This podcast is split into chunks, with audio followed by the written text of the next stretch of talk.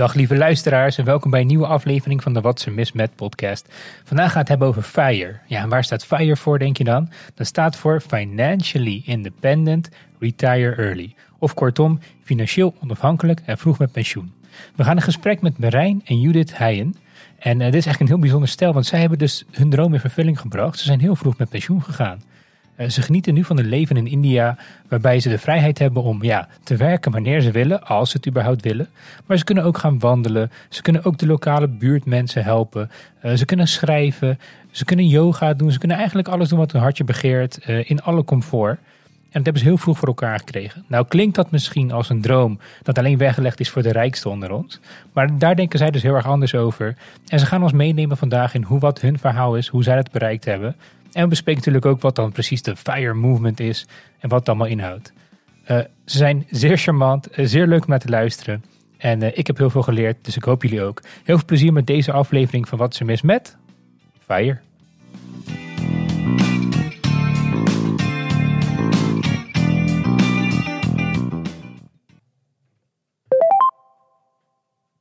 super interessant. Ik wil het even samenvatten.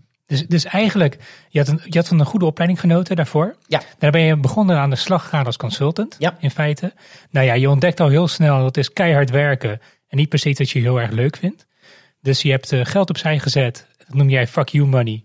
En met die fuck you money ben je op, op reis gegaan. Daar heb je, ik zet even air quotes, mensen kunnen het niet zien. Maar daar heb je jezelf ontdekt of geleerd dan wat jij graag zou willen doen. En bij terugkomst dacht je, nou ja, weet je wat, ik ga gewoon ondernemen. En in mijn onderneming ga ik echt doen wat ik leuk vind. En gedurende al die tijd heb je gewoon eigenlijk continu nagedacht over: oké, wat zijn wijsinvesteringen van de toekomst? Waar kan ik een beetje bezuinigen of besparen? Hoe kan ik slim mijn geld inzetten? En nu zijn we op een moment gekomen dat je denkt van oké, weet je wat? Wat gebeurt er als ik gewoon helemaal naar een ander land ga? Is dat ongeveer... Uh... Ja, het enige wat ik nog uh, vergeten ben, is dat wij uh, aan het einde van deze periode verhuisd zijn naar Londen. Um, dat was eigenlijk met name vanwege jullie te werk. Uh, maar omdat ik zelfstandig ondernemer was, kon ik meteen zeggen: Ja, nou leuk, doen we, gaaf. Mm -hmm. we, we, we, hebben die stap, ja, we hebben die, die, keuze heel makkelijk kunnen maken. En we hebben ook geen kinderen. En dat is natuurlijk iets wat wel een hele belangrijke. Um, ja, factor is die het ons makkelijk maakt om dat soort keuzes te maken.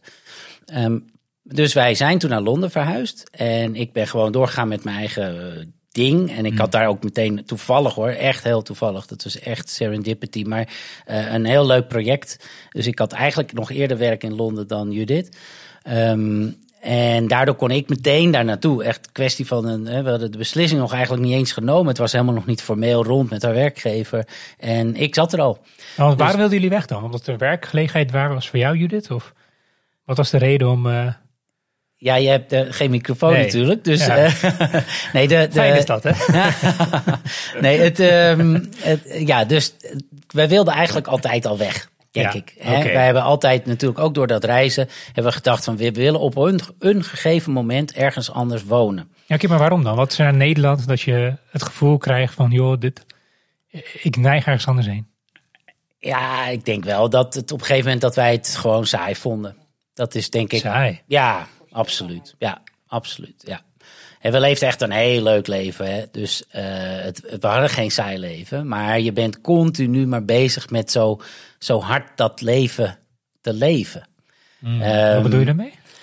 Ja, kijk, dat, dat uh, is natuurlijk een. Uh, wij, wij, iedereen komt uit zijn eigen bubbel. Hè? En wij zaten ook gewoon in een bubbel van uh, festivalgaande, hoogopgeleide, vakantievierende mensen. Ja, young professionals, zeg maar. Dus um, ja, maar om dat te doen, moet je wel daarmee doorgaan. Je moet daar dus, hè, je bent verplicht die baan te hebben. Je bent verplicht een bepaald inkomen naar binnen te harken, omdat je je eigen leven anders niet kunt betalen. Dus dat speelde mee. En toen dachten we, nou, als we was dat, dat nou een, uh, sorry hoor, dat vind ik wel interessant. Was dat, een, was dat een leeg bestaan, nu terugkijkend? Nee, nee, nee, absoluut niet. Nee, nee, nee, absoluut niet. Nee, nee, nee, nee, nee. nee. Ik kijk daar nog, nog steeds heel positief uh, op terug. Um, en ik denk ook zeker de invulling die wij eraan gaven, zou ik nee, alles behalve leeg noemen. Maar het was wel, nee, eigenlijk was het juist heel vol. Hmm. Ik denk dat dat het was. Te vol. Het was heel vol. Hmm.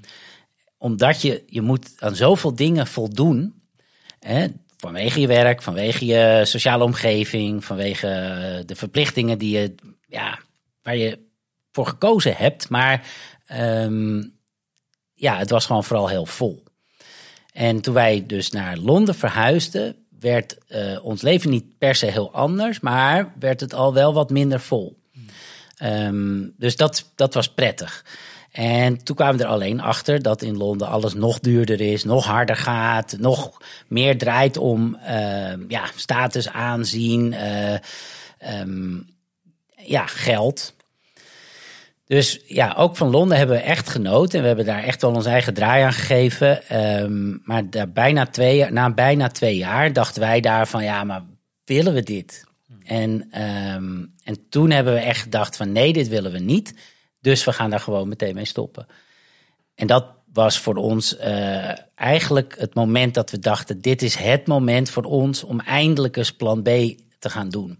En plan B was nooit een plan in die zin dat dat vormgegeven was. Maar plan B was het idee dat we altijd in ons achterhoofd hadden. om gewoon uh, de boel de boel te laten en te vertrekken en te gaan reizen.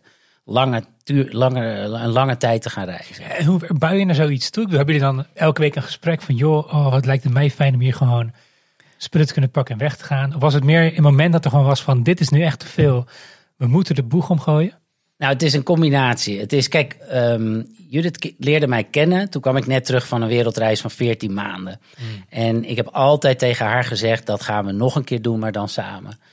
Um, hè, we hebben tijdens onze die werk, werkende periode hebben we ook veel gereisd. Um, en iedere keer als je dan op reis bent, komt er wel een moment dat je denkt: van ja, maar dit willen we ook een keer echt voor minimaal een jaar doen. Mm. Hè, dus in die zin hebben we het er altijd wel over gehad. Um, maar daadwerkelijk die beslissing nemen, die kwam echt pas um, toen wij op vakantie waren.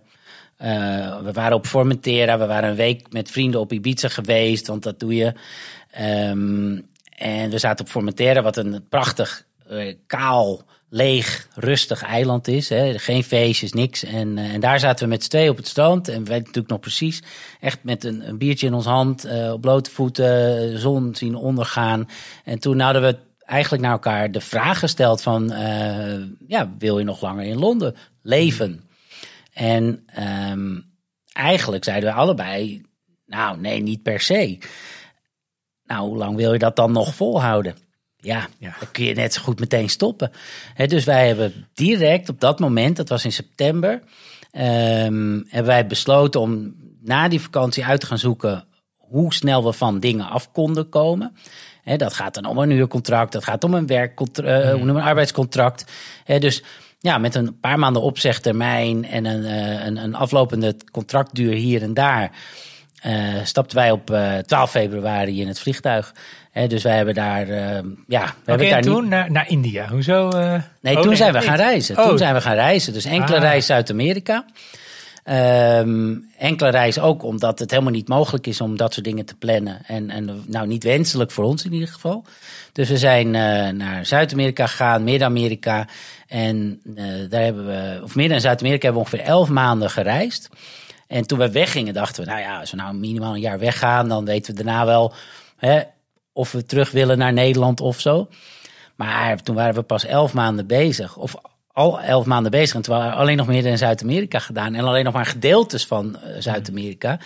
Dus toen uh, dachten we, nou oké, okay, we willen wel uh, op een gegeven moment terug naar Nederland. Maar we gaan verder met reizen. Dus wij zijn toen naar Zuid-Afrika gevlogen.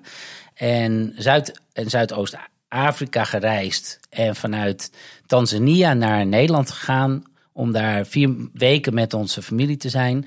En toen hadden we ook alweer een enkele reis uh, verder geboekt. En, en al die tijd op geld jullie eerder gespaard hadden eigenlijk? Ja. Dus jullie werkten ook niet tijdens nee. die reis? Het was nee. allemaal gewoon op, op, het, op dat fuck you money. Absoluut. dat eerder opzij gezet. Ja, okay. ja absoluut. Maar dan moet je wel naar een spaarpotje hebben. Of, of is het dan zo zuinig reizen? Of het is, het is wederom een combinatie van beide. Um, Kijk, wij, ik had natuurlijk wel, we hadden al eerder gereisd. Ik had al eerder lang gereisd. Dus ik wist wel een beetje dat als je op een bepaalde manier reist in een bepaald soort landen, dus als je gewoon een beetje, hè, dus, dus het eenvoudig houdt, uh, langzaam reist, hè, hoe langzamer, hoe goedkoper je reist. En als je ja, gewoon in, in uh, hoe noem je dat, low cost of living landen reist. Dus, dus niet per se ontwikkelingslanden, maar wel, nou, als je, het is handig om aan de zuidelijke kant van Evenaar te blijven, dat mm. scheelt geld. Um, en nou hadden we wel een idee van, nou, wat, wat gaat dat nou ongeveer per maand kosten? Ehm, maar dat, dat zijn inschattingen die lopen uiteen van, nou ja, dat kan, het kan 1000 euro kosten, maar het kan ook 2000 euro kosten. Of 3000, afhankelijk van het land waar je zit en wat je doet. Uh, voor dus, met z'n tweeën? Ja, dat is voor, voor twee. Ja, eigenlijk is ja, dus die, die duizend, dat red je heel moeilijk met z'n tweeën. Maar um, ja, daarboven, dat, dat moet je echt wel kunnen redden met twee personen. Uh, als je reist zoals wij reizen, in de landen zoals wij uh, reizen. Um, ja, met twee personen voor een maand. Um, dus op basis daarvan en gewoon ook dat ik, ja, ik keek gewoon naar mijn financiële plaatje. Ik keek naar die, die pot geld en ik dacht, ja, dit is waar ik het ooit voor bedacht heb. Hmm. Dit is hè, niet letterlijk, want ik wist dat toen nog niet. Maar dit is wel, dit is plan B. Hè, uh, dit is waar ik uh, bereid ben dit geld aan te besteden. Deze levenservaring. Dus nou, hè, laten we zeggen dat ik op een gegeven moment uh, dacht van... oké, okay, ik, ik, ik vind het waard om hier 80.000 euro aan te besteden.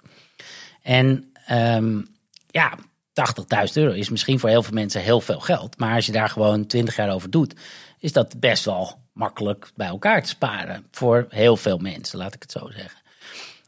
Um, alleen, je moet ten eerste bereid zijn om het dus eerst niet uit te geven. En het dus gedurende al die tijd niet uit te geven. En vervolgens moet je weer bereid zijn het daar wel aan uit te geven. hoe oud waren jullie toen, toen jullie dit uh, gingen ondernemen? Ik, uh, ik heb ooit tegen Judith gezegd van ik zou het liefst mijn hele veertigste jaar in het buitenland willen zijn, willen reizen. Nou, dat is niet gelukt. Ik was net iets ouder. Maar um, dus, dus ja, ik was toen 42 en Judith was 37. Ja. Um, ja, dus dat, en daar begon het. En toen kwamen we erachter, gedurende dat reizen, dat we steeds minder geld gingen uitgeven dus dat budget wat we eigenlijk wel hadden, waarvan we nog geen idee hadden of we dat echt daadwerkelijk moesten gaan uitgeven. En al helemaal niet hoe snel dat zou gaan. Uh, daar kwamen we echt wel achter van ja, maar dit, uh, hier kunnen we veel langer van weg dan we ooit dachten.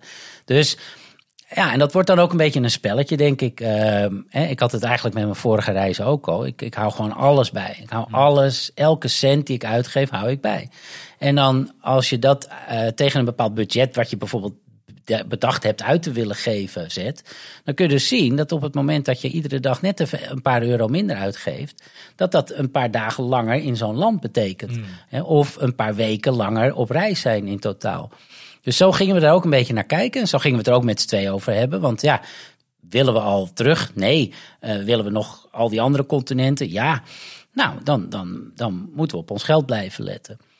en daar, daarnaast hadden we um, inkomsten, omdat wij al uh, een woning verhuurden. Hmm. En uh, ja, eventueel mocht dat nodig zijn, inkomsten uit beleggingen, dus beleggingsopbrengst. Maar ik, ik heb daar eigenlijk heb ik dat nog nooit aangeraakt. Dus altijd geherinvesteerd en dat, dat doe ik nu nog steeds. Dus eigenlijk kom ik daar niet aan, maar het is er wel. Dus dat zijn eigenlijk inkomsten. En als je dan dus ook nog eens een keer gewoon vrij weinig geld uitgeeft, ja, dan raakt het niet op. En dat is wat tijdens dat reizen de laatste keer steeds duidelijker werd. Dat wij steeds vaker minder geld uitgaven dan er eigenlijk binnenkwam.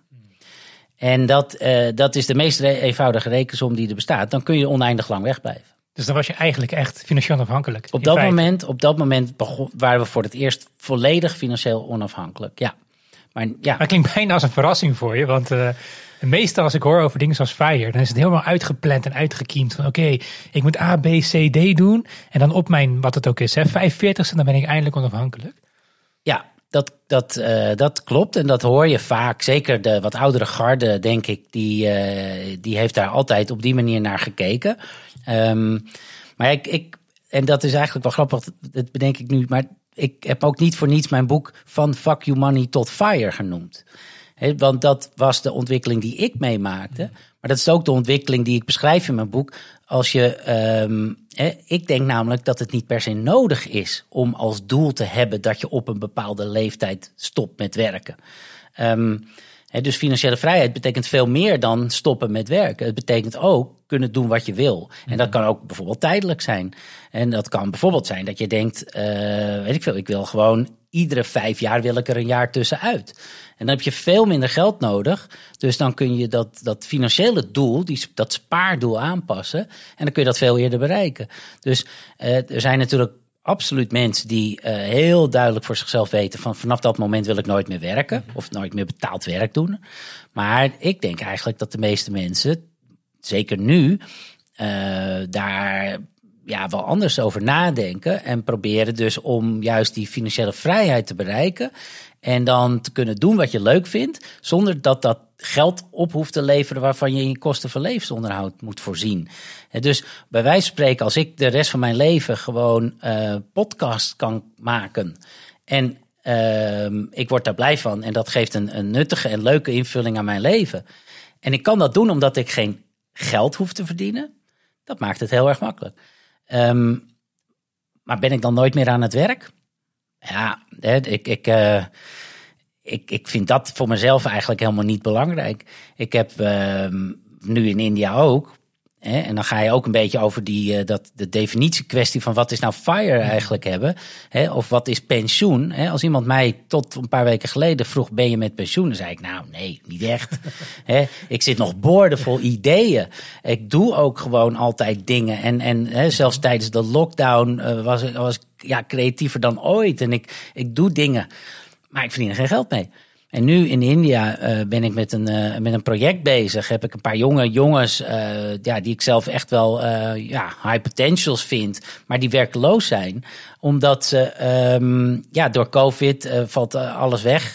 dus heel Goa zit geen toerist meer. En alles wat daar indirect of direct mee te maken heeft, zit uh, tijdelijk gewoon even niks te doen. Nou, toen heb ik dat opgepakt, ben met één uh, jonge jongen begonnen. En nu zijn het er twee. En die heb ik geholpen eigenlijk met uh, zich verder te ontwikkelen in het worden van een, ja, tech-savvy entrepreneur, weet je. Zij zijn inmiddels zelfstandig ondernemer, want dat ben je zo. Mm -hmm. uh, ze, ze kunnen uh, websites bouwen in WordPress. Dus uh, iedere klant die dat wil, kan daar nu beroep op hun doen. En zij kunnen daar per direct geld mee verdienen, omdat ze daar gewoon geld voor kunnen vragen. En, en dat was een heel leuk onderdeel van het project. En nou loopt het een beetje uit de hand en wordt het echt een platform. En moet ik er zelf ook echt nog wel wat voor doen. Maar ik verdien er geen geld mee. Dus ja, ben ik dan met pensioen? Ben je wel aandeelhouder? Ja, we hebben het nog niet zo geformaliseerd okay. en er zit ook nog geen geld. Ik heb er wel, ik heb wel een, een, een hostingpakket uh, betaald, omdat ze dat zelf niet konden betalen. En dat gaat dan echt maar om een paar honderd euro. Maar um, dus ja, ik, zou, ik ben wel aandeelhouder. En ik uh, denk ook wel in de toekomst dat ik daar iets meer mee wil doen. Maar ik heb altijd gezegd, ik hoef er geen geld mee te verdienen. Ik ben heel benieuwd naar het India. Waarom India en, en hoe leef je daar dan? Of hoe leven jullie daar dan nu? Nou, India, wij zijn al eerder in India geweest, een aantal keer. Ik ben er alleen geweest. Uh, ik heb er een uh, project gedaan. Uh, toen ik zelfstandig was, heb ik een soort van coachingstraject voor drie verschillende teams in drie verschillende ja, van die grote techsteden, zeg maar. dus daar heb ik die, die, die, die jonge Indiase mensen begeleid in het, op, op wereld niveau van hun dienstverlening krijgen. Um, en ik had dus al onvoorstelbaar leuke ervaringen met, met India. Wij zijn er samen geweest. Wij, uh, en dus ik heb daar een, een, aantal teams van jonge mensen geholpen om hun dienstverlening te uh, ver, verbeteren. Uh, ook omdat zij ja, klanten hadden die uit, een, uit het Westen kwamen, uit de moderne Westerse landen. Um, en, en dat was een geweldige ervaring. Vervolgens hebben Judith en ik zijn er ook samen geweest. We, waren ook al in Goa geweest. We hebben een aantal keer daar uh, vakantie kunnen vieren. En, en uh, zowel India als de Indiërs als Goa vinden wij gewoon heerlijk. He, India, you either hate it or you love it. Er zijn heel veel mensen die denken dat ze het verschrikkelijk vinden, dus die gaan er nooit naartoe. Er zijn ook mensen die het uitproberen en denken dit nooit meer. Maar er zijn ook heel veel mensen die als ze er wel eenmaal geweest zijn, ja, er altijd naar terug willen. Um, wij houden wel echt van de Indiërs. En, en uh, zeker in Zuid-India, want er zitten wel verschillen tussen de staten. Er zitten verschillen tussen Noord en Zuid. Het, is, uh, het, zuiden is wat zachter. Het is, het is bijna net als in Nederland. Hè. Ik kom uit Noord-Holland, Judith komt uit Brabant. Brabant is wat Bourgondischer, Brabant is wat zachter. Noord-Holland is wat harder. Uh, dat is in India ook. Zuid-India wonen wij nu. Daar is het, het is er prachtig. Het is echt een vakantieplek waar wij wonen. waar wij genieten van de echt mooiste stranden van het land. En nou, dat, is, dat zijn echt wel stranden op wereldniveau, vind ik. Um, het, het leven is er, uh, ja, in, in Goa is het, Goa is de meest relaxte staat van het land. En Goa is ook een staat waarin ze gewend zijn aan uh, westerse mensen. Dus waar India al heel lang zelfstandig is of onafhankelijk is van, hoe heet het, Brit, Groot-Brittannië, is Goa veel langer onderdeel geweest van Portugal. En die zijn pas veel later zelfstandig of onafhankelijk geworden. En, en daar is nog best wel een bepaalde connectie met Portugal, met Portugezen. En uh, ze kunnen ook allemaal een Portugees paspoort krijgen als ze dat zouden willen. En dat heeft wel invloed op de mentaliteit. Uh, zelfs op de taal. Uh, iedere staat bijna, niet letterlijk per staat, maar heeft zijn eigen taal in India. En in India, of in Goa, is dat weer gerelateerd aan de Portugese taal. Er zitten wat woorden in. Uh, die komen bijna rechtstreeks uit het Portugees. En één woord wat ze daar hebben is sossegado. En sossegado is, um, het bestaat ook in het Portugees en in het Braziliaans Portugees. En ik weet niet eens precies de letterlijke betekenis, maar het is gewoon chill. Okay. Het is, hè, als mensen daar dus, de Soesegaat lifestyle betekent dat daar mensen gewoon s morgens vroeg opstaan, hun ding doen en dan de hele middag siesta kunnen hebben. Hè, dus als je een visser bent, ga je vissen als het getijde, weet ik veel, geschikt is en als er vis is. Maar daarna ga je gewoon lekker op je veranda zitten. En die hebben ze ook allemaal. Uh, en dan ga je lekker gewoon ja, sociale dingen doen of, of niks doen. Of, uh, hè, dus wel, het is een relaxed lifestyle. En dat merken wij nu ook in uh, ons leven, dat we dat heel fijn vinden. Um, en dat is natuurlijk 100% anders dan bijvoorbeeld in Bangalore, waar alleen maar mensen werken die, ja, die leven eigenlijk het leven wat wij in Amsterdam leven. Oh, ja. He, dus hoe ziet zo'n dag eruit dan voor jullie? Nou, wij wonen, in een, uh, wij wonen vlakbij het strand, maar niet aan het strand. En we komen minimaal één, maar meestal een paar keer per, per week komen we wel op het strand. We lopen veel, we lopen graag, we, we doen lopend boodschappen. Um, en als we geen boodschappen hoeven te doen, dan lopen we gewoon de andere kant op. En dan lopen we tussen de palmbomen of we lopen naar een rivier waar het gewoon prachtig is. En waar je adelaars uh, over het water ziet scheren die dan aan het vissen zijn. En, um, en we lopen minimaal een paar keer per, per week uh, over een van de drie stranden die bij ons in de buurt zijn. Um, en dat, dat is voor ons heel belangrijk. Dat is eigenlijk ook begonnen door COVID, omdat bij ons de lockdown extreem streng was. En um, we eigenlijk een hele periode ons appartement niet mochten verlaten. En dan moet je toch proberen in beweging te blijven. Dus daar gingen we dan wel in het appartement dingen op verzinnen. Maar zodra we naar buiten mochten, uh, gingen we echt een rondje lopen om gewoon maar even bezig te zijn. Om even fysiek gewoon alles weer aan te zetten en uh, fit te blijven. En, en dat was ook het moment toen de strenge lockdown begon, mochten wij bijvoorbeeld ook geen scooter meer rijden. Um, dus in India is het natuurlijk toch wel ja, een ander land. En in Nederland uh, hebben we natuurlijk ook wel gehoord over nou, dat mensen klagen over maatregelen. Maar in India gaat het net even anders. Hè, en mochten wij gewoon geen scooter rijden. Punt. Ja, Um, dus die scooter hebben we ingeleverd. En vanaf dat moment zijn we gaan lopen. En, uh, en we willen nu nooit meer die scooter. Want we merken nu gewoon dat we uh, samen lopen. Dus dan hebben we tijd om met elkaar te praten. We kijken om ons heen. We genieten van wat we tegenkomen. Uh, het is fysiek prettig. Het is gezond. Um, ja, dus we.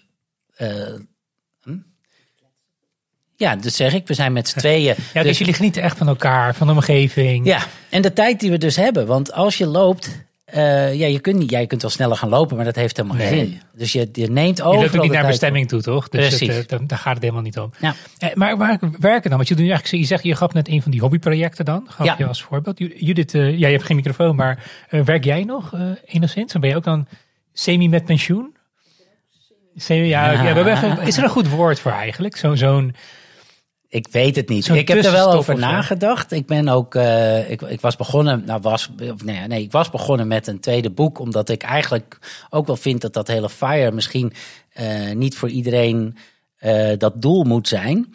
Hè, en dat ik eigenlijk toch veel meer dacht van ja, maar hoe kun je het dan wel invullen? Afhankelijk van wat jij wil, zeg maar. En uh, dus heb ik bijvoorbeeld ook gelezen over de tweede carrière. En de tweede oh carrière is een, uh, het is een beetje een Amerikaans ding, denk ik. ik. ik. weet niet of dat in Nederland op die manier wordt uh, gezien.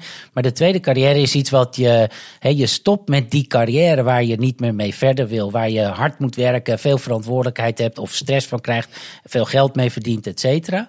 En omdat je die eerste carrière redelijk succesvol hebt kunnen afronden en daar dus ook wat geld aan overhoudt, kun je kiezen voor een andere carrière, waarbij je dus niet per se zoveel geld hoeft te verdienen. Waarbij je, ja, je kunt een vrijwilligersbaan nemen, je kunt, uh, maar je kunt ook een, een ja, licht betaald, hoe noem je dat? Een, een, een uh, enigszins betaalde baan kiezen. Gewoon omdat je dan dus uh, ja, minder verantwoordelijkheid, minder stress, minder hard werken, minder uren, mm. noem het maar op. Um, en, de, en dat, dat, dat was ook in de hele fire terminologie werd dat wel al een beetje gebruikt. Bijvoorbeeld als je het hebt over barista fire. Barista fire is een vorm van fire waarbij je uh, dus niet stopt met werken, maar waarbij je dus genoeg geld hebt om um, ja, bijvoorbeeld barista te worden. Een paar uur per dag of wat dan ook. Omdat je dat leuk vindt, omdat je het contact met de klant leuk vindt. En dus dat geld wat je daarmee verdient, heb je nog steeds wel nodig.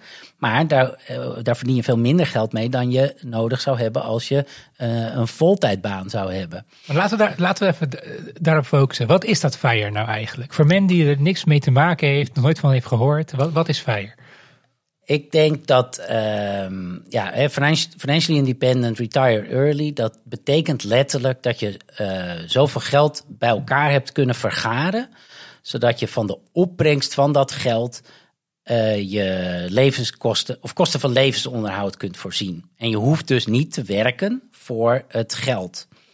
Um, dat betekent dus dat je uh, of um, geld hebt gespaard en dan dus uh, dat geld opmaakt in de resterende tijd die je, um, die je hebt, bijvoorbeeld tot je daadwerkelijk pensioen. He, dat is een vorm van FIRE. Dus iemand die gewoon uh, een groot gedeelte van zijn leven in uh, loondienst werkt en dus alle pensioenpremies afdraagt en aan een pensioenfonds meedoet, die weet gewoon, nou, vanaf mijn 67 of misschien net iets eerder krijg ik pensioen.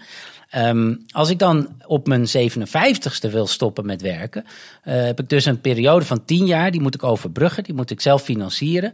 Nou, hoeveel geld gaat me dat kosten? Als ik dus in die 57, of tot en met mijn 57ste jaar in staat ben om dat geld bij elkaar te sparen, uh, zodat ik mij dat in 10 jaar uh, uit kan keren, dan ben ik dus fire. Dan ben ik hmm. gewoon, stop ik eerder met werken en ik onttrek geld aan mijn uh, vermogen om in mijn levenskosten, uh, kosten van levensonderhoud te voorzien. Maar het is ook um, iemand die zegt: uh, Ik wil, hè, dat was zeker in Amerika zo, ik wil op een gegeven moment met pensioen kunnen, zonder dat daarin voorzien wordt door een overheid of een pensioenfonds. En, uh, en dan heb je veel meer geld nodig. dus daar ging het veel meer om uh, veel meer geld verdienen, maar ook veel minder geld uitgeven. Dus daar zitten absoluut mensen bij die zichzelf uh, heel trots de frugalist noemen. dus echt zo min mogelijk geld uitgeven om een zo hoog mogelijk spaarpercentage te realiseren. Zodat je dus um, kunt toewerken naar die enorme pot vermogen die je nodig hebt om x jaar uh, tot je dood uh, jezelf te kunnen betalen. Um, dus het gaat echt wel, vind ik, over het stoppen met werken. En um, de manier waarop je dat geld bereikt, of eigenlijk, kijk, um, je hebt dat vermogen nodig, zodat je dus of dat, hè, stel je, je bouwt een vermogen van een miljoen op, wat in Amerika in ieder geval peanuts is. Um, nou, dan kun je bedenken dat als ik stop op mijn veertigste en ik ga op mijn vijftigste dood, dan heb ik dus nog, uh, of uh, op mijn negentigste dood, dan heb ik nog 50 jaar, dan heb ik een miljoen gedeeld door 50, dan is dat het geld wat ik uit kan geven. Niet dat je weet wanneer je doodgaat, maar dat is een inschatting die je kunt maken, dus daar kun je voor begroten. Maar je kunt ook bedenken van ja, maar als ik nou niet per se um, al dat geld op wil maken, hoeveel rendement moet ik dan maken op dat vermogen, zodat ik daar iets aan onttrek en mijn hoofdsom nooit afneemt, niet kleiner wordt, zodat ik het dus eigenlijk in van lengte tot, uh, hoe noem je dat? Uh, in lengte tot van dagen uh, uit kan zingen met zeg maar de opbrengst van mijn vermogen. Ja, dus misschien uh, even heel simpel verwoord, dat je een grote zak met geld hebt en dat de rente over dat geld, dat je daarvan gaat leven. Ja, dus dat is één manier. Of dat je het, die zak geld gewoon opmaakt in een aantal jaren dat je nog denkt dat kunnen. Het eerste dat in me opkomt is nou, ja, maar voor wie is dit dan weggelegd hier in Nederland? Ik bedoel, kijk, wat jullie schetsen klinkt echt als een droom. Even serieus, op, op, op jullie leeftijd, eh, de vrijheid en tijd te nemen, echt te mogen genieten van elkaar, van je omgeving, eh, te mogen doen waar je zin in hebt, plezier van hebt. Ja, dat klinkt gewoon als, dat klinkt gewoon bijna utopisch, klinkt het eigenlijk. Klinkt bijna als een, eh, als een sprookje, klinkt dat. Ehm, ja, en dan ik toch met mijn eh, cognitieve, weet je wel, ik ga dan toch heel veel beer op de weg zien. Ik zie dingen als, ja, oké, maar je moet er ook veel voor laten. Want je laat ook familie hier, lijkt mij. Ja. Je laat ook je verantwoordelijkheden. Ik bedoel, ik heb hier ook mensen, als ik over mezelf praat, die op mij rekenen. Dan moet tegen die mensen zou ik dan moeten zeggen, ja, sorry jongens, ik heb gekozen voor zo'n soort leven. Eh, dit, dit is voor jullie dit nu.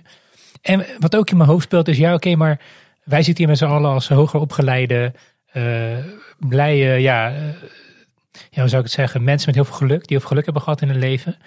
Maar, maar is het weggelegd, zouden de meeste Nederlanders het ook kunnen doen? Of is het een weggelegd iets voor een aantal elitaire eh, ja, mensen die gewoon heel veel geluk hebben gehad? Ik denk dat ook hier weer ze, ja, beide gaat op. Kijk, ik ben er absoluut van overtuigd dat als iemand bereid is om eh, keuzes te maken in het leven en inkomen geniet, dat je altijd geld over kunt houden en dus op een gegeven moment eerder kunt stoppen met werken. Niet op je dertigste, niet op je veertigste. Kijk, dat vind ik ook een beetje het probleem. En wat is er mis met FIRE? Ehm, op dit moment eh, komt alleen maar in het nieuws, ehm, hè, in de krant en op televisie en in, in magazines, van stoppen met je veertigste. Eh, sterker nog, het, het, het, het televisieprogramma wat nu eh, gaat beginnen, een soort van documentaire van een aantal afleveringen, dat heet geloof ik 30 en nooit meer werken of zo. Ja, dat is wel iets heel anders. En dat. Eh, en ik, die aflevering zijn nog niet begonnen, hè, dus ik, ik ben heel nieuwsgierig. En ik denk dat het best wel hele goede mensen zijn die daar geïnterviewd zijn. En dat zijn allemaal niet de mensen met eh, zakken geld. Hè, je, je zult daar ook zien dat er bepaalde mensen gewoon zeggen: ja, maar ik heb gewoon niks nodig. Letterlijk, als jij, ehm, als jij bereid bent, bij wijze van spreken, in een, in een camper te leven. Hè, ehm, ja, dan breng je je maandelijkse lasten ontzettend omlaag. Moet je wel die camper kunnen kopen. Dus je hebt wel iets nodig. Maar ehm, kijk, iedereen kan tien jaar werken en genoeg geld bij elkaar sparen voor een camper. Ook een minimumloon. Hangt van de camper af.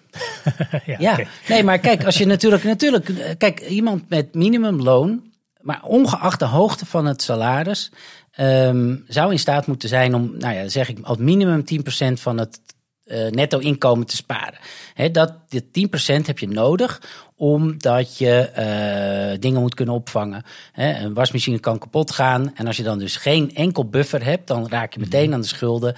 En ehm, ja, dus, dus dat geldt voor iedereen. En dat, ehm, dat is wel lastiger als je natuurlijk een heel laag inkomen hebt. En dan, ja. Maar het moet kunnen. Hè? Eh, voor het grootste deel van de mensen moet dat kunnen. En als je dat eenmaal eh, gewend bent om die manier daarover na te denken, denk ik dat je zult merken dat bijvoorbeeld als je salaris stijgt, hè, wat toch bijna bij iedereen gebeurt, en je besluit om dat extra geld dat er binnenkomt niet extra uit te geven, omdat je gewoon tevreden bent met wat je op dat moment hebt, dan ga je extra sparen. Dus als je begint met minimumloon en je kunt daar alles van betalen en je krijgt het jaar daarna, weet ik veel, 3% extra, kun je 3% extra sparen. Ja, eh, natuurlijk gaat het leven ook meer, eh, het leven wordt duurder, dus bepaalde dingen stijgen ook in kosten. Maar ehm, meestal gaat het eh, zo dat iemand die meer geld verdient, gaat gewoon meer geld uitgeven.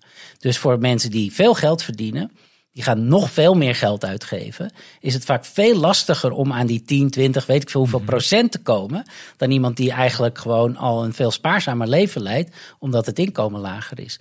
Dus ehm, ik heb het beste ge- met geld leren omgaan op het moment dat ik geen inkomen had. Niet op het moment dat ik gewoon een ton omzet draaide. Toen, was het, toen leerde ik niet met geld omgaan. En toen gaf ik, natuurlijk een- geef ik, gaf ik ook automatisch veel meer uit. En dat is eigenlijk misschien wel het probleem.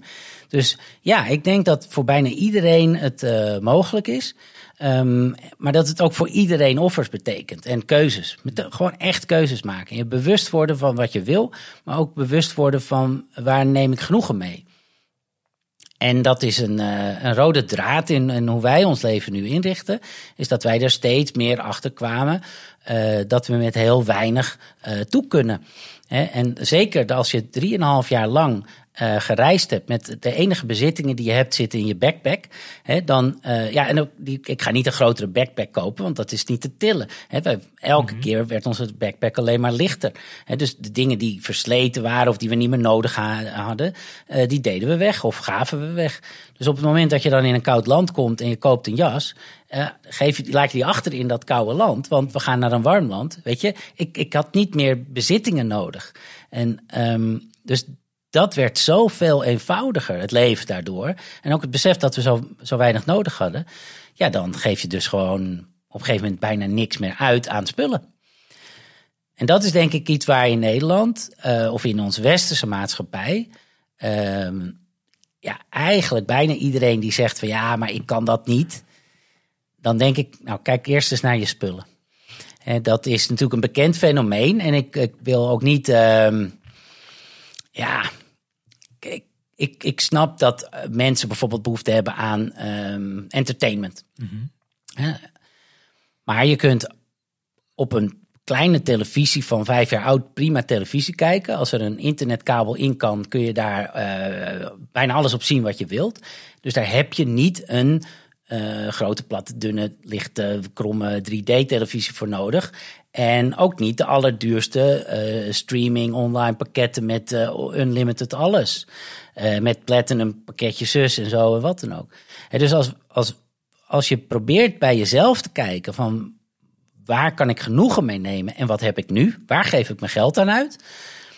Als je bereid bent dat te doen, zul je zien waar je kunt besparen. En dat is voor iedereen verschillend. En je moet niet alle geneugden uit het leven halen.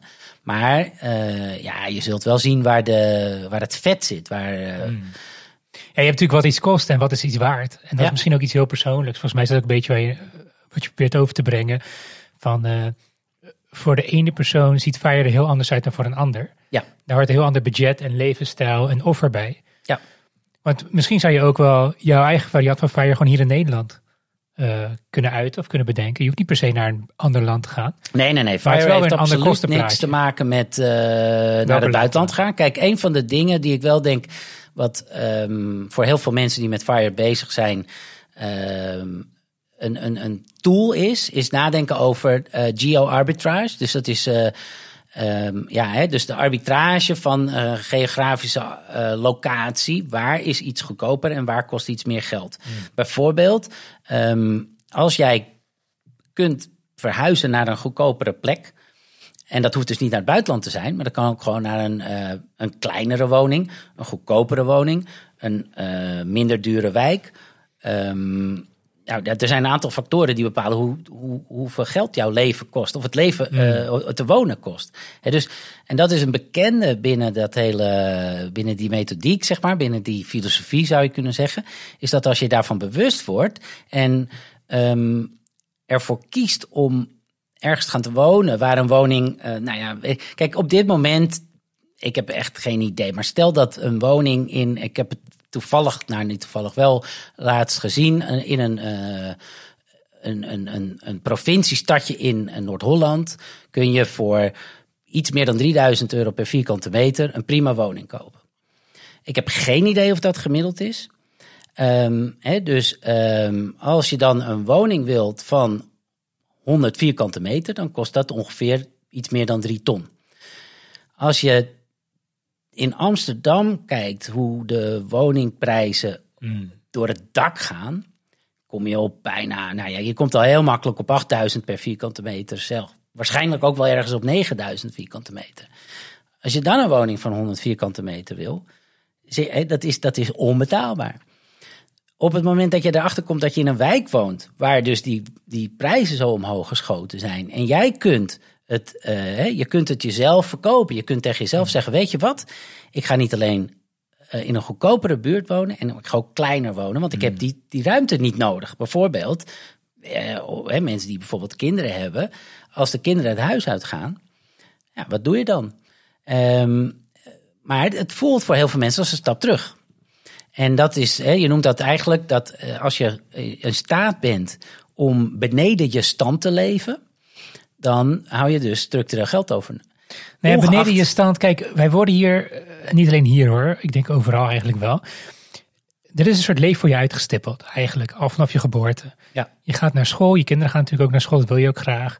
Nou ja, je studeert best wel lang in dit land. Ik bedoel, als jij een universitaire opleiding wilt, of zelfs een HBO of MBO, je bent minstens begin 20 en veel mensen eind 20. Dan heb je echt wel een aardig stuk van je leven eigenlijk al gehad. Hè? En dan ben je net klaar met school en dan moet je eigenlijk nog gaan werken. Uh, ja, dan begint het werken, huisje kopen. En, dan begint het eigenlijk allemaal opnieuw. En dan beginnen jouw kinderen weer, dan ga je kinderen krijgen. En die moeten dan weer de, de stramine in.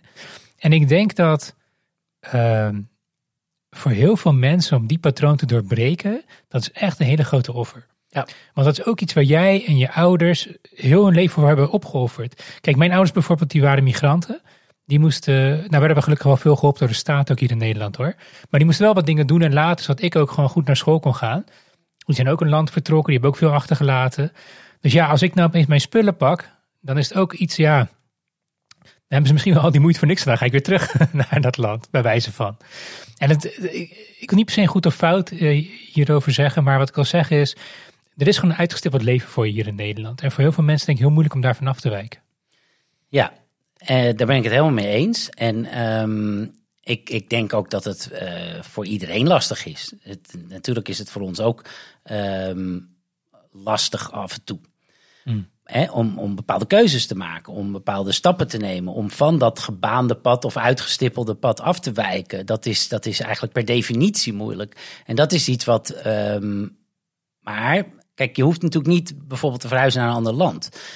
Als jij keuzes kunt maken in, um, in wat voor woning je woont of in wat voor auto je rijdt. Um, Kijk, als je helemaal geen auto rijdt en je hebt helemaal geen woning en je hebt helemaal niets, dan, dan zijn die keuzes makkelijk. Dan heb je hmm. weinig keuzes. Maar de meeste mensen waar wij het over hebben, die zeggen dat ze het zo moeilijk vinden, hebben dat wel. die hebben daar ook hard voor gestudeerd en die hebben daar hard voor gewerkt. En die hebben ook het gevoel dat ze daar ja, recht op hebben. want waar heb je dat anders allemaal voor hmm. gedaan? dat, dat vond ik ook toen ik, toen ik 30 was en een BMW 3-serie reed. Toen dacht ik echt dat ik dat verdiend had met, mijn, met, met alles wat ik maar gedaan had. Nu kijk ik er heel anders naar. En nu ja, vind ik dat eigenlijk gewoon bullshit. En dat ik toen die keuzes niet maakte, dat is logisch. Ehm, eh, maar ik, ik heb daar ja, wel wat een en ander geleerd over wat ik dus zelf denk ik uh, belangrijk vind.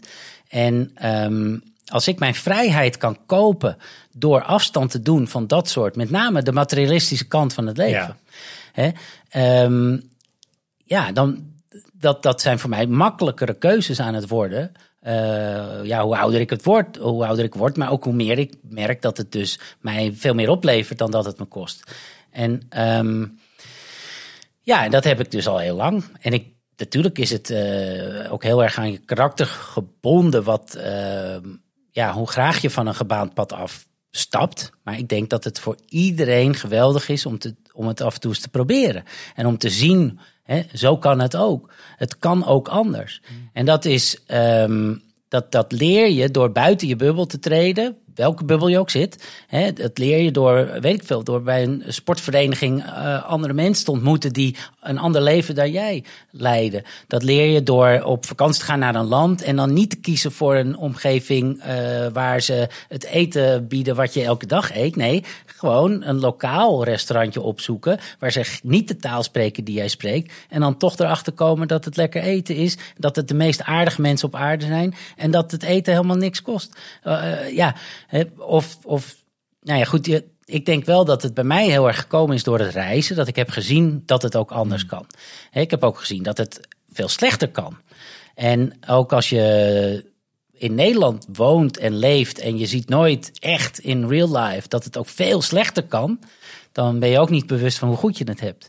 En als je daar dus aan vasthoudt en als je daar dus, hè, uh, zeker als je gewoon een beetje geld gaat verdienen en een carrière maakt en sterker nog, je dat met z'n tweeën doet al helemaal. En als je dan, uh, ja, je, dat, dat, je, je komt terecht in, in een lifestyle creep. Ehm, dat is niet per se een fire term, denk ik. Maar het is, eh, de lifestyle creep is dat je dus zo vast zit in je lifestyle. Dat je daar dus eh, steeds meer geld moet gaan verdienen. Om steeds meer eh, ja, eigenlijk vast te houden aan die lifestyle. Wat dat ook is. Ja, en hoe moeilijker het dan wordt om het ook weer los te laten. Precies. Ja. ja. want ook iemand die dus inderdaad een, een, een enorm salaris verdient, maar ook in een enorme auto rijdt en in een enorm huis woont, um, ja, die geeft ook al zijn geld uit. De bottom line is, hoeveel hou je aan het einde van de maand over? Hmm. En wat kun jij daarvan doen? Dus als jij een dijk van een salaris hebt en je houdt iedere maand een paar honderd euro over, kun je er niks van.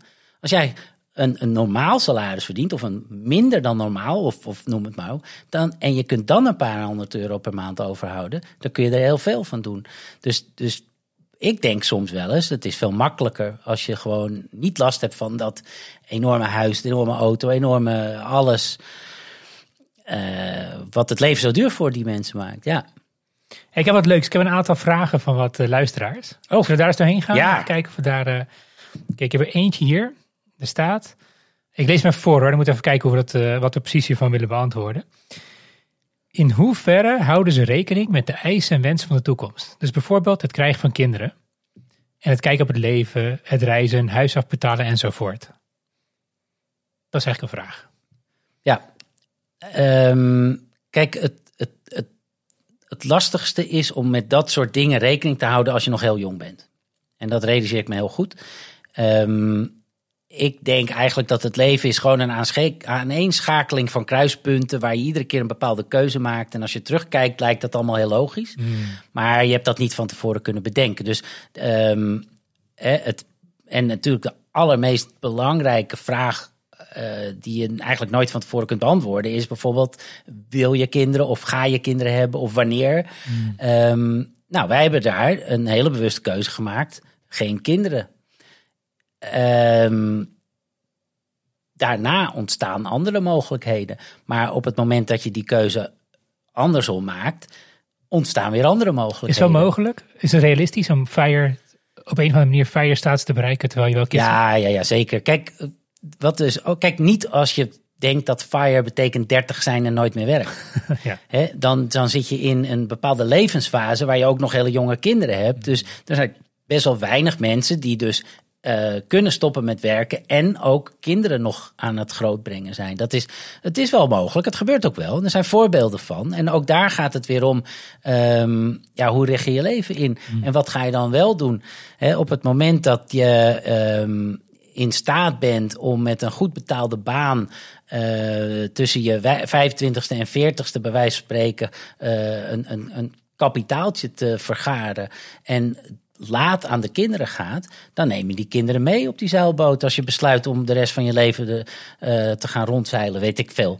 Um, uh, ja, wij komen mensen tegen tijdens onze reizen die met hun hele gezin, met name met nou jonge kinderen, want dat met jonge Zo knap kinderen. Vind ik dat. Ja, maar die mensen moeten daar natuurlijk ook heel veel voor uh, organiseren. Ja. Um, maar ja, dat moet je ook als je thuis blijft. He, dus op het moment dat jij uh, niet werkt, kun je wel bij je kinderen zijn. dus de meeste mensen die dus met hun kinderen uh, iets fireachtigs doen of op reis gaan of wat dan ook, ja, die geven uh, hun kinderen les.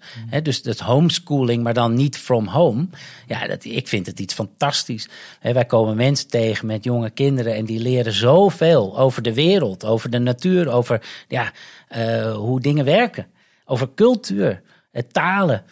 Ja, ik vind dat dus Het wordt ook makkelijker, denk ik. Zeker nu met wat we hebben meegemaakt met COVID en zo. Dat je best wel veel op afstand ook kan leren, ook met de kids. Ja. ja. Wie weet dat er nog meer mogelijkheden zijn. Ja. Maar het betekent wel keuzes maken. Ja. En keuzes maken betekent ook dat je ergens niet voor kiest. En dat is voor iedereen die, die uh, is dat denk ik wel lastig. Ja. Je kan niet alles hebben. Nee, maar dat is ook niet de erg, meeste hè? mensen denken dus dat ze wel alles kunnen hebben. Hmm. En dan is het niet mogelijk. Oké, okay. nog een vraag. Waarom zou je niet uh, dezelfde energie stoppen in, je, in werk of passie? Dat en leuk is en geld op kan leveren. Dus eigenlijk vragen ze hier, joh, uh, waarom moet je niet, vind gewoon een baan dat je heel leuk vindt, dan werk je geen dag in je leven. Ja, daar ben ik het uh, op zich mee eens. En voor mij bijvoorbeeld het, de verandering voor mij van werkgever naar, of werknemer naar zelfstandige was voor mij een enorme stap in de, deze richting. ik kreeg daar heel veel vrijheid voor terug. Um, ik heb me eigenlijk altijd alleen maar bezig gehouden sindsdien met wat ik leuk vind. Dus ik uh, zou kunnen zeggen, nou, als ik dat voor de rest van mijn leven had kunnen doen, dan, dan was ik er ook. Hmm. Echter, ik had dat geld nodig om in mijn levens, uh, leven te voorzien. ik kon dat leven niet leiden zonder die, dat, die inkomstenstroom. En zolang dat het geval is, um, ja, is dat een beperking. En uh, ja, het, nou, het is niet erg. Nou, omdat er altijd dingen bij zitten die, je, die je niet leuk vindt. het, het wordt, kijk, als je natuurlijk het echt goed voor elkaar hebt en je, je hebt echt de klanten voor het kiezen, dan kun je tegen een klant die je niet leuk vindt zeggen: nee, ik wil jou niet. maar als jij uh, ja, niet zelfstandig bent, werknemer, en je doet iedere dag weer wat je leuk vindt. Maar jij kunt niet zelf je eigen werktijden bepalen. Je kunt niet bepalen hoeveel uur per week je wil. Kijk, ik ben ook een kitesurfer. En um, in Nederland is, is, wordt er heel veel gekitesurfd en ook gesurfd. Uh, met name door mensen die gewone banen hebben. Maar um, voor de rest van Nederland die op kantoor zit en denkt van hoe, hoe regelen ze dat? ja, dat komt omdat hun baan het niet toestaat. En dus dan kun je nog wel doen wat je leuk vindt. Maar uh, ja, je wil ook andere dingen doen die je eigenlijk nog leuker vindt. Maar dat, dat kan niet, want je zit vast aan een contract. Je zit aan werktijden, aan collega's en klanten. Um, op het moment dat je dus... En dat is natuurlijk anders als je, weet ik veel, als je professioneel kitesurfer bent, bij wijze van spreken. Maar dat is natuurlijk niet helemaal realistisch. Dat is. Uh... Ja, ik zie je punt. Ja, persoonlijk zit ik daar een beetje dubbel in. Want ja, natuurlijk. Je wil eigenlijk het liefst gewoon je dag vullen met dingen die je echt leuk vindt. Maar voor heel veel mensen, ik zie mezelf, is het ook heel gezond om af en toe gewoon, niet eens af en toe, om regelmatig dingen te doen die je ook niet leuk vindt. Want dat geeft je een soort van de mentale vrijheid om dingen wel weer leuk te gaan vinden. Uh, als dat was niet de vraag, hè? Dat was niet de vraag. Nee, nee, het is ook niet een aanval op jou of zo. Nee, nee, nee. Hard nee, nee, nee. Maar ik bedoel, kijk, wat wij nu doen in India, in Goa, uh, wij doen absoluut alleen maar de dingen die we, niet, die we leuk vinden. En daar krijgen we niet voor betaald. En dat, dat geeft me heel veel vrijheid. Dat geeft me, uh, ik ben daardoor creatiever dan ooit. Ik ben daardoor ondernemerder dan ooit. Hmm. Want ik hoef niet dat geld te vragen. He, dus op het moment dat wij uh, nu naar een klant toe gaan en die klant zegt van ja, ik vind het wel een leuk uh, iets, maar ik heb er geen geld voor. Dan zeg ik van nou, maar als jij echt, als je het echt leuk vindt en je wilt het proberen, dan betaal je me toch niet. Weet je? En, en maar dat kun je alleen maar doen als je het geld niet nodig hebt om in je levensonderhoud te voorzien. En dat geeft zoveel vrijheid. Dus, ah, dus je, je bedoelt misschien ook de keuzevrijheid. Dus, dus als jij een baan hebt en je hebt dat nodig in je levensvoorziening, ja, je moet dat gewoon doen. Linksom, rechtsom. Ja. Of je nou een goed of slecht dag hebt, je moet dat doen. En daardoor laat je misschien ook heel veel dingen zitten die je eigenlijk liever had willen doen. Ja. En dat kunnen ook ondernemende werkdingen zijn. Ik bedoel, misschien wil jij wel een kunstwerk maken. Ja. Maar ga je dat nu niet doen? Want ja, je moet taxi rijden, ik zeg maar iets hoor. Oké, oké, ik snap je punt. Kijk, wat ook wel interessant is, um, is dat zelfs ik nu, hè, we, we, zitten met 3,5 uur tijdverschil met, uh, met Goa. Dus ik heb nu zes dagen per week, iedere ochtend om half acht, een korte call met India. Hmm. Ja, half acht morgens. Ik ben nu alleen maar met, met uh, familiebezoek bezig. En we, we, zitten heel veel avonden met vrienden. Iedere ochtend zit ik om half acht in die call. Is dat echt iets wat ik leuk vind? Nee, natuurlijk, dat hoort er gewoon bij. Hmm. Maar ik kies ervoor. En dat is denk ik, hè, wat jij dat zegt, vrijheid, keuzevrijheid is, um, ja, dat is, dat is denk ik key. Ik wil nog eentje doen. Ja. En dit, dit vond ik een hele interessante vraag. Uh, wat als je niet lukt? Wat als je het niet kan realiseren? Uh, dat je, je streeft naar een bepaalde fire uitkomt en het lukt je gewoon niet. Ja, wat gebeurt dan? Uh, heb je, hebben die mensen dan gevoeld dat ze mislukt zijn? Of ja, hoe, gaan, hoe gaat men ermee om? Um, kijk, hangt er vanaf hoe je dat definieert. Wanneer is het een mislukking? Kijk, als jij gewoon denkt van uh, ik wil eerder stoppen met werken. En jij mikt op um, ehm, 55 jaar uh, oud en dan dus stoppen met werken. En alles zit tegen. En je kunt dat pas op je zestigste doen. Prima. Dat is geen mislukking. Als jij in de tussentijd dat jij dus uh, aan het werk bent, geld verdient, spaart, zuinig leeft En ehm, je vindt het gewoon niet leuk. Hè? Je hebt er gewoon geen zin meer in. Maak je een andere keuze. Is dat dan een mislukking? Nou ja, dat, dat vind ik niet. Ehm, ik denk dat er zat mensen zijn die op een gegeven moment denken van ja, ik, ik hou dit niet vol, het kost me te veel moeite, ik vind uh, nu genieten veel belangrijker, et cetera. Nou, prima. Dat, er is natuurlijk niemand, hè? er is geen fire police, zeg maar. Mm. Er is niemand die tegen jou zegt dat het op een bepaalde manier moet. Er is niemand die tegen jou zegt dat je op een bepaalde leeftijd moet stoppen. Dus ik denk dat op dit moment, als mensen uh, denken dat je op je dertigste kunt stoppen met werken ja, als dat het doel wordt, dat er misschien mensen zullen zeggen van nee, dat gaat me niet lukken. Maar als je dan je verwachtingen managt en, en iets realistischer bent en je wilt een bepaald leven leiden tot het moment dat je wel stopt met werken, dan ga je slagen. En um, je zult ook. het is geen, het is zeg maar, hoe zeg je dat? Het is een bewegend doel. Hmm. En jij bent degene die het doel bepaalt. De leeftijd, het geld wat je denkt nodig te hebben, ook het geld wat je daadwerkelijk uitgeeft. Dus op het moment dat jij in staat bent om iedere keer maar weer te denken: ja, maar als ik nou dit niet doe, uh, dan, hou ik, hè, dan hou ik niet alleen iedere maand meer geld over. Nee, het leven kost ook minder geld. Als je dus hè, bijvoorbeeld zo'n tien jaar wilt overbruggen tot je pensioen. En uh, totale cost of living wordt gewoon steeds lager. Mhm. Dan zul je op een gegeven moment denken: van ja, oké, maar dan hou ik dus geld over. Dus dan kan ik net zo goed twaalf jaar doen.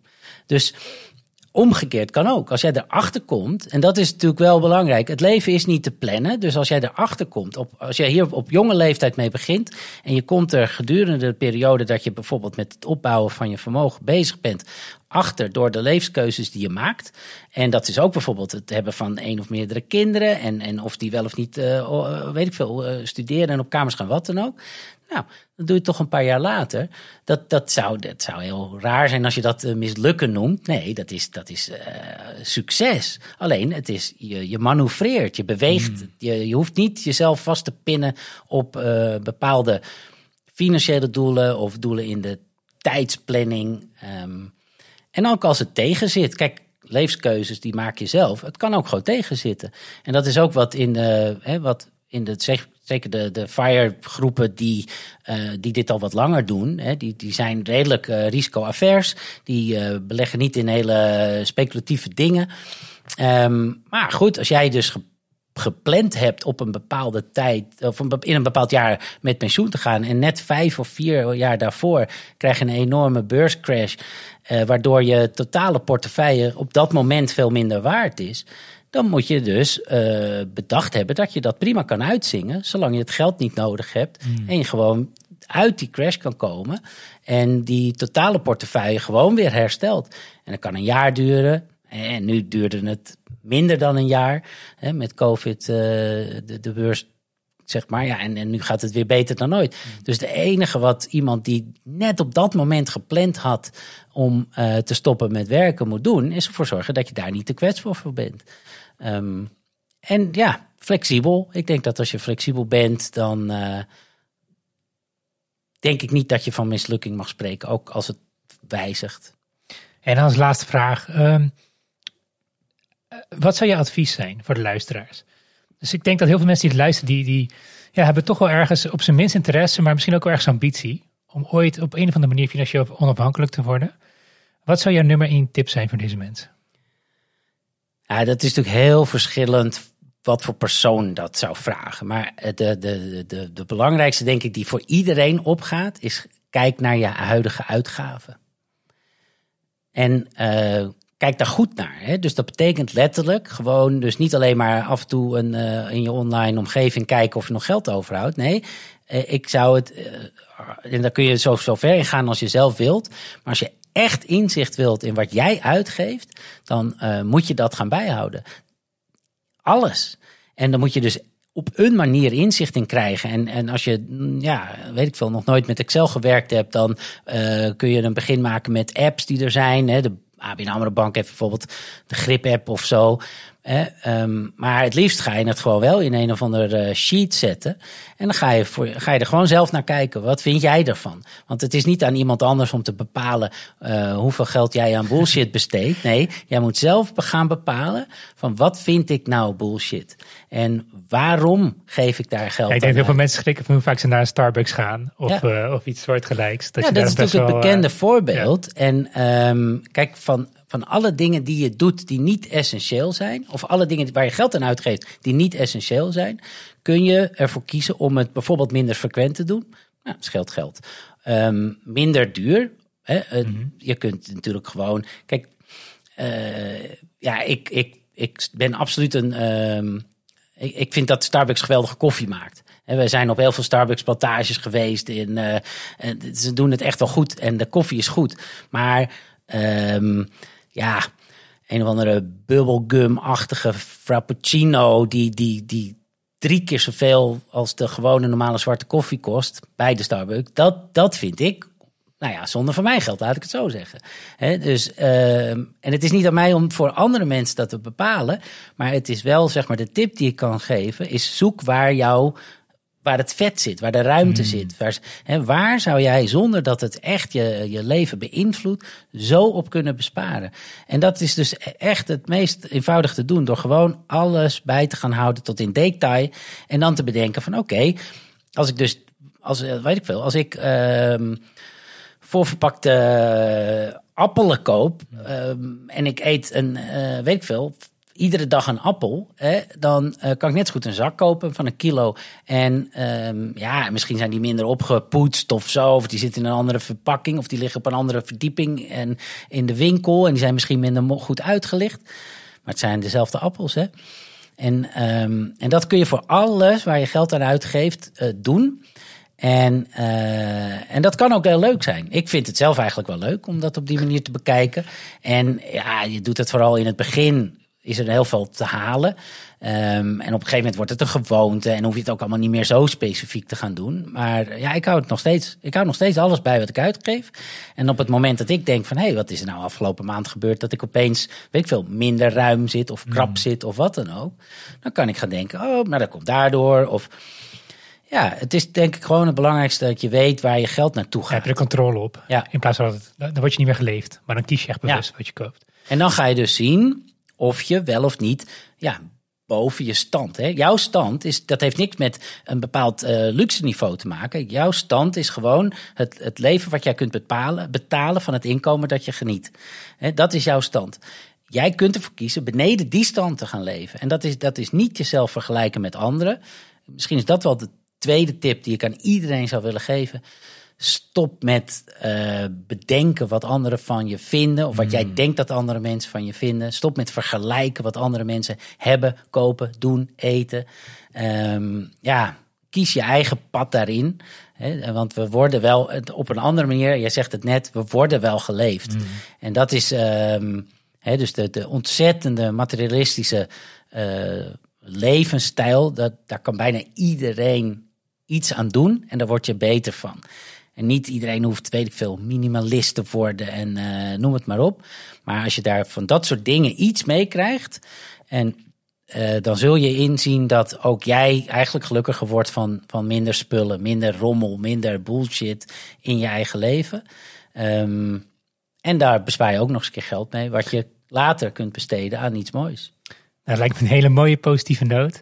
Uh, Marijn, je hebt ook een boek geschreven. Ja. Wat was nou van Fuck You Money to Fire? Ja, van Fuck You Money tot Fire. Nou, ik heb natuurlijk al heel veel dingen zeg maar uh, geraakt. Hè, wat, uh, Waar kunnen mensen die vinden? Overal. Um, overal, dus bol.com, uh, maar ook juist de lokale boekhandel. Hè. Ga gewoon weer naar die boekhandel. Ja. Um, het zou heel goed kunnen dat hij niet op de plank ligt, maar bestel hem gewoon. Hè, dat geldt trouwens sowieso voor boeken.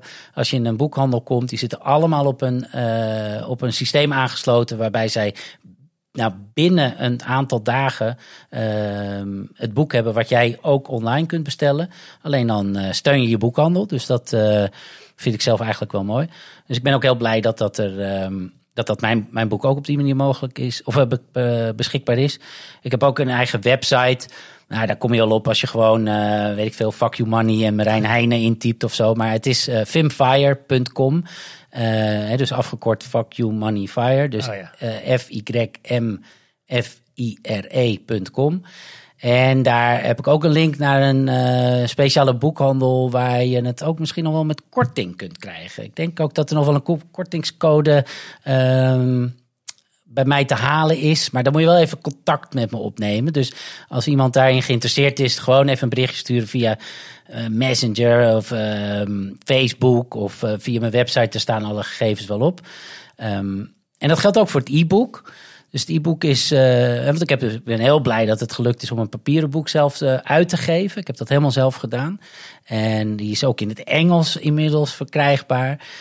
Dus ook, maar ook het e-book is via mijn website prima te verkrijgen. Ook met korting. En ik denk dat daar die kortingscode wel bij staat.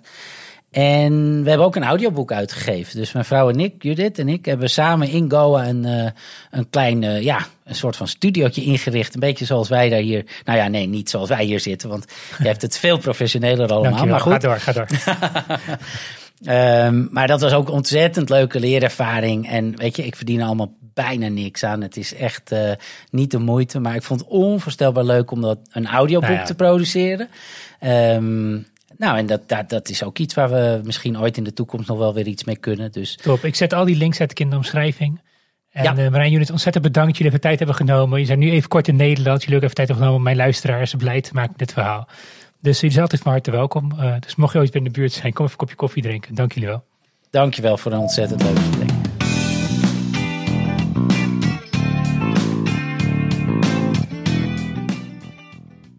Dankjewel voor het luisteren naar deze aflevering van de Miss Met podcast. En als je zo ver bent gekomen dat je dit berichtje hoort, dan vond je FIRE een interessant onderwerp. Vind ik ook. Ik ga ook zeker nadenken over mijn vervroegd pensioen. Hoe en wat weet ik nog niet precies. Maar uh, het verhaal van Marijn en Judith, dat heeft mij zeker geïnspireerd. Uh, ik wil natuurlijk ook bedanken voor het luisteren. Mocht je podcast leuk vinden en willen steunen, dan kan dat altijd via www.watisermismet.nl. Uh, dus kijk daar een keertje op. Je kan daar ook alle andere afleveringen zien en je kan eventueel doneren. Maar voel je absoluut niet verplicht, want uh, de podcast is niet commercieel ingesteld. Het doel is eigenlijk om de wereld een beetje beter te maken. En als je me ook maar één ding hebt geleerd, of als je ook maar een beetje geïnspireerd bent geraakt door deze podcast, dan is voor mij eigenlijk uh, mission accomplished. Voor nu wens ik jullie nog een hele fijne dag. mocht je met mij in contact willen komen, dan kan dat. Dat kan via watisermismet.gmail.com. Blijf gelukkig. Blijf gezond en blijf vooral leren. En tot de volgende keer.